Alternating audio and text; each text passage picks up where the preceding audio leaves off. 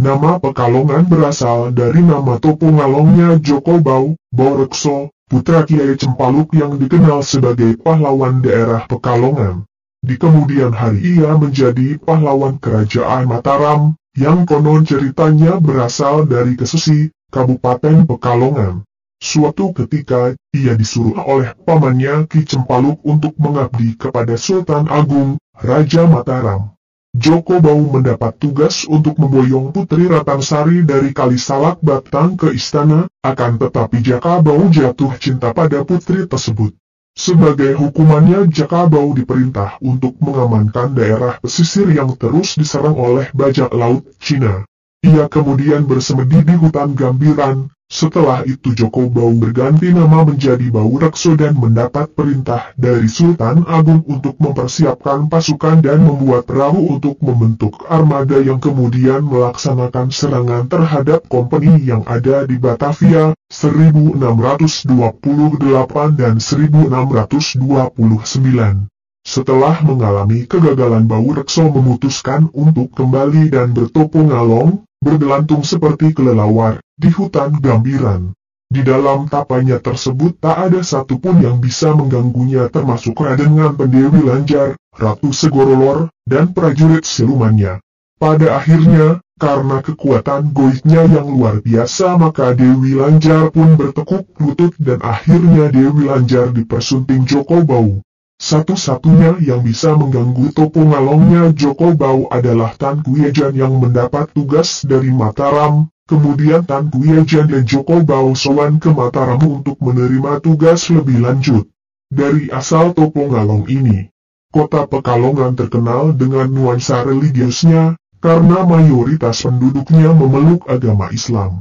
Ada beberapa adat tradisi di Pekalongan yang tidak dijumpai di daerah lain semisal, syawalan, sedekah bumi, dan sebagainya. Syawalan adalah perayaan tujuh hari setelah Idul Fitri dan disemarakan dengan pemotongan lopis raksasa untuk kemudian dibagi-bagikan kepada para pengunjung. Nama Pekalongan sampai saat ini belum jelas asal-usulnya, belum ada prasasti atau dokumen lainnya yang bisa dipertanggungjawabkan, yang ada hanya berupa cerita rakyat atau legenda. Dokumen tertua yang menyebut nama Pekalongan adalah keputusan pemerintah Hindia Belanda, Government Besluit, nomor 40 tahun 1931, nama Pekalongan diambil dari kata halong, dapat banyak, dan di bawah simbol kota tertulis Pekalongan.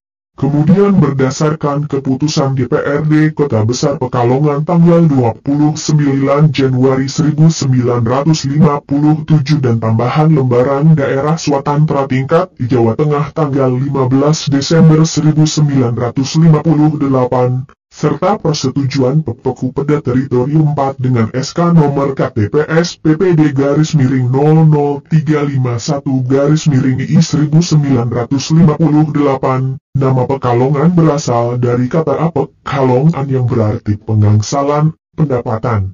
Pada masa VOC dan pemerintahan kolonial Hindia Belanda, sistem pemerintahan oleh orang pribumi tetap dipertahankan. Dalam hal ini Belanda menentukan kebijakan dan prioritas, sedangkan penguasa pribumi ini oleh VOC diberi gelar regent atau bupati. Pada masa ini, Jawa Tengah dan Jawa Timur dibagi menjadi 36 kabupaten dengan sistem pemerintahan sentralistis pada abad 19 dilakukan pembaharuan pemerintahan dengan dikeluarkannya Undang-Undang tahun 1954 yang membagi Jawa menjadi beberapa gewest atau residensi. Setiap gewest mencakup beberapa afdeling, setingkat kabupaten, yang dipimpin oleh asisten residen, distrik atau kawadenan yang dipimpin oleh controller dan owner distrik setingkat kecamatan yang dipimpin aspiran controller.